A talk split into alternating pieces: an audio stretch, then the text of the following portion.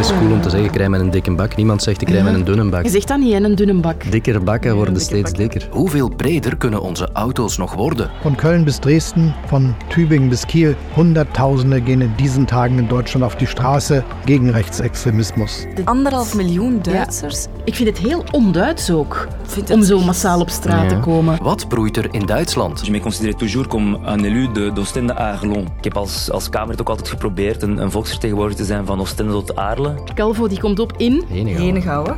en ik dacht direct zo, oei, in de gouden, dat kan niet. Dat mag dus, ik mag opkomen in Oostende voor de Kamer. Potverdorie. Waarom? Wist je dat? En in Mechelen wonen en in Henegouwen op een kieslijst staan. Blijkbaar kan het. Ik ben Lode Roels en ik ben blij dat jij alweer voor een kwartier samen met ons hebt gekozen. Welkom.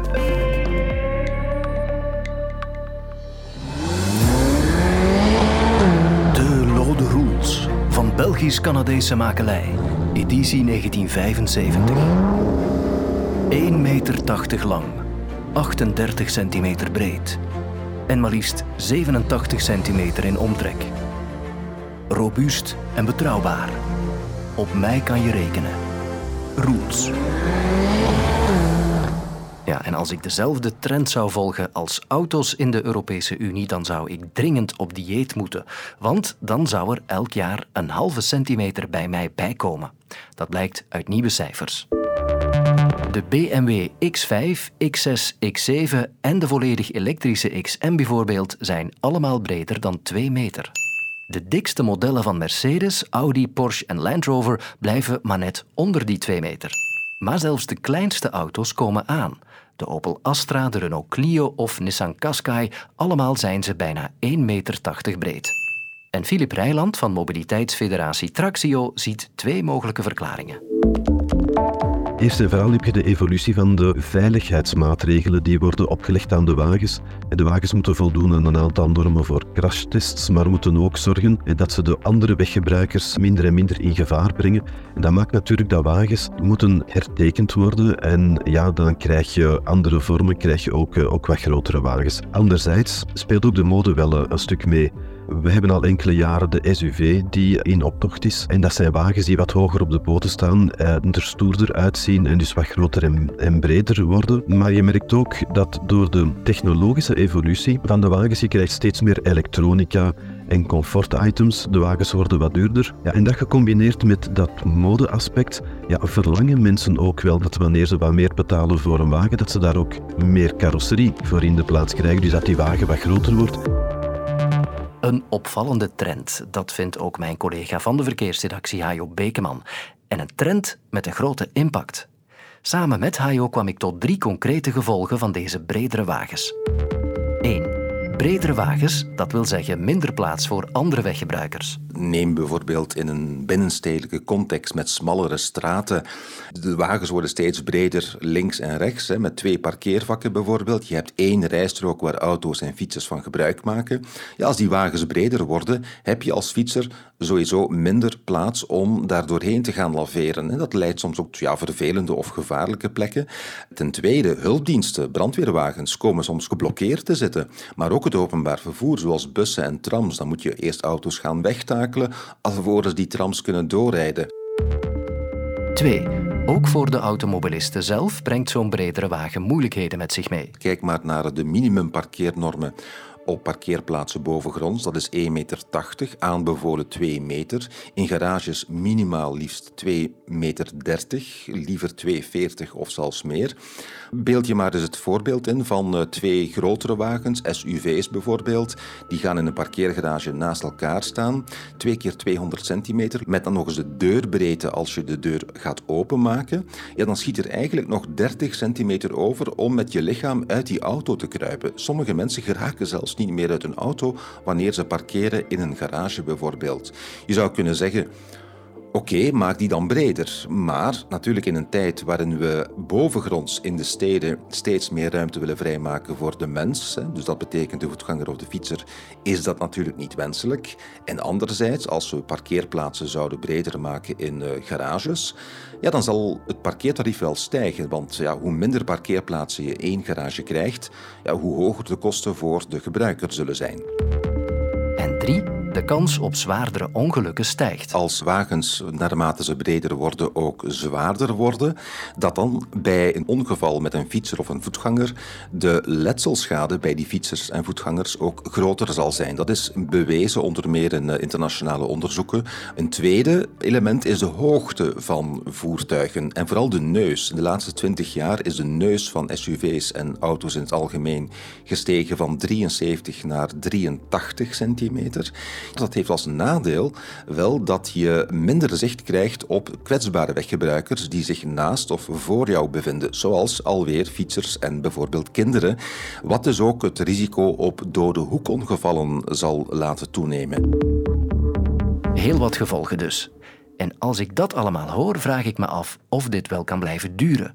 Auto's kunnen toch niet nog veel breder worden? Wel, wettelijk uh, is er geen beperking op de breedte van auto's en SUV's, maar je voelt wel de druk vanuit uh, de wetgever en vanuit een aantal belangengroepen stijgen om daar toch wel nieuwe regels over te maken. Het is ook vrij logisch natuurlijk dat je limieten zou gaan opleggen die verschillen tussen vrachtwagens bijvoorbeeld enerzijds en auto's anderzijds. Anderen zullen dat beteugelend en betuttelend vinden, maar uh, er moet toch eens goed over nagedacht worden, denk ik.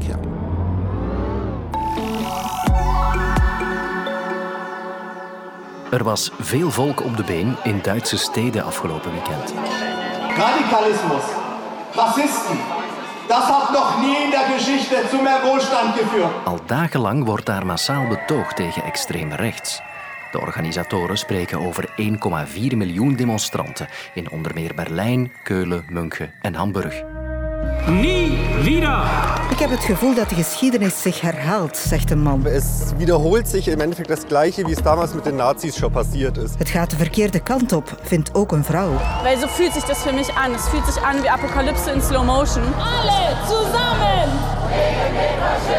Dass es so viel ist, das ist unglaublich und das tut einfach gut zu wissen, dass wir, dass wir die Mehrheit sind. Das ist die Botschaft des heutigen Tages. Wir werden uns wehren.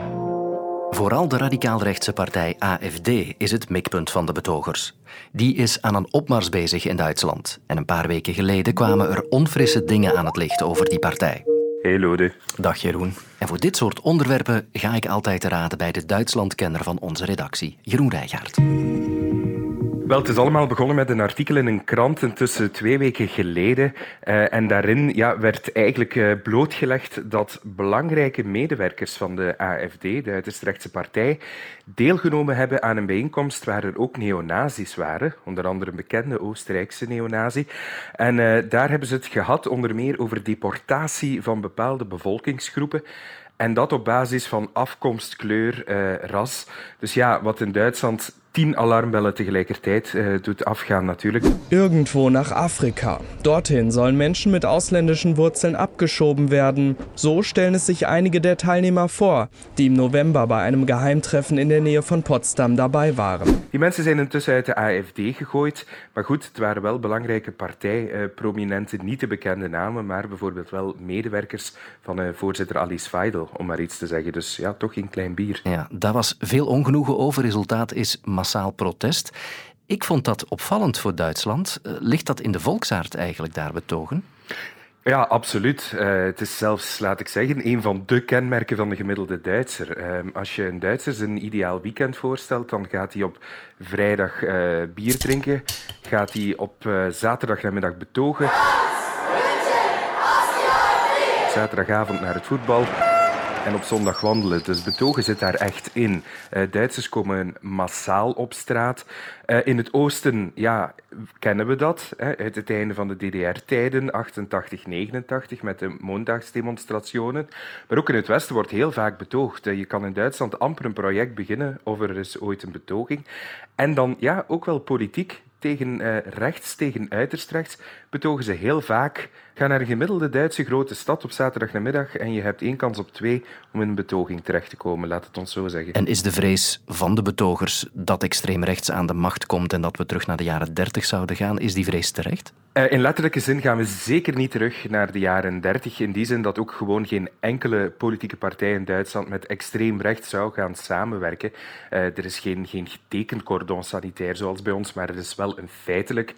En ja, ook de instellingen in Duitsland zijn nu wel veel sterker dan toen. En ook de ervaring met democratie, de manier waarop Duitsland ook zijn geschiedenis uh, verwerkt heeft, maakt dat er heel weinig kans is dat het gebeurt. Maar het is wel heel erg opvallend dat een uiterst rechtse partij, en in sommige delen van Duitsland is die zelfs echt extreem, in het oosten bijvoorbeeld, dat die toch wel heel succesvol aan het worden is met 20, 25 procent van de stemmen op sommige plaatsen.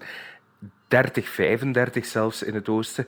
Ja, dat was iets wat vroeger in Duitsland niet ondenkbaar was. Dus op dat vlak zie je die geschiedenis dan toch ja, ook weer steeds verder in de geschiedenis liggen. Maar de schrik dat het echt zou gebeuren, uh, ja, die lijkt mij toch wel onterecht. De Duitse president Steinmeier sprak in een videoboodschap zijn steun uit voor de betogingen. Deze mensen maken ons allen moed. Ze verteidigen onze republiek en ons grondgesetz tegen zijn vijanden. Ze verteidigen onze menselijkheid. Hij zegt, deze mensen geven ons moed, ze verdedigen ons tegen onze vijanden, te verdedigen ook onze grondrechten en menselijkheid. Ehm, hoe reageert de Duitse politiek in het algemeen op het protest? Wel, op de AFD na reageert eigenlijk iedereen, zoals eh, president Steinmeier.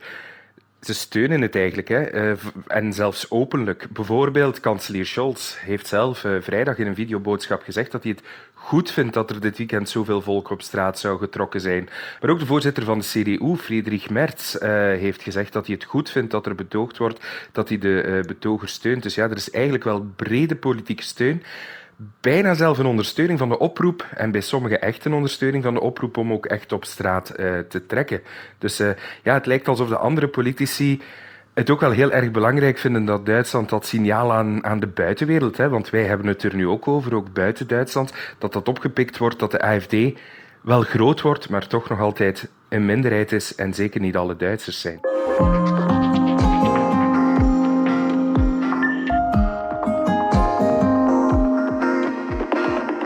Goedemorgen.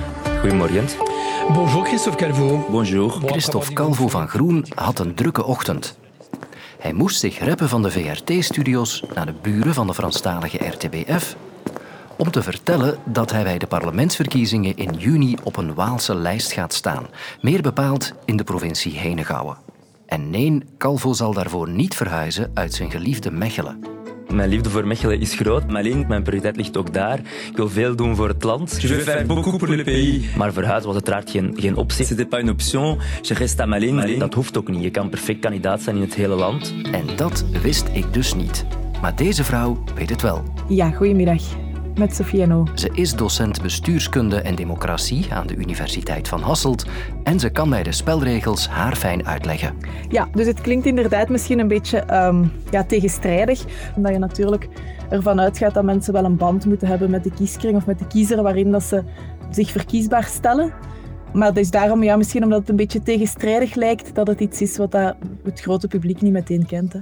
De verkiesbaarheidsvoorwaarden om je kandidaat te stellen voor de Kamer van Volksvertegenwoordigers houden eigenlijk in dat je Belg bent en dat je woont in België. Dus dat je je vaste woonplaats hebt in België. Dus dat betekent inderdaad dat een inwoner van Oostende zich bijvoorbeeld kandidaat mag stellen voor de Kamer in Luxemburg.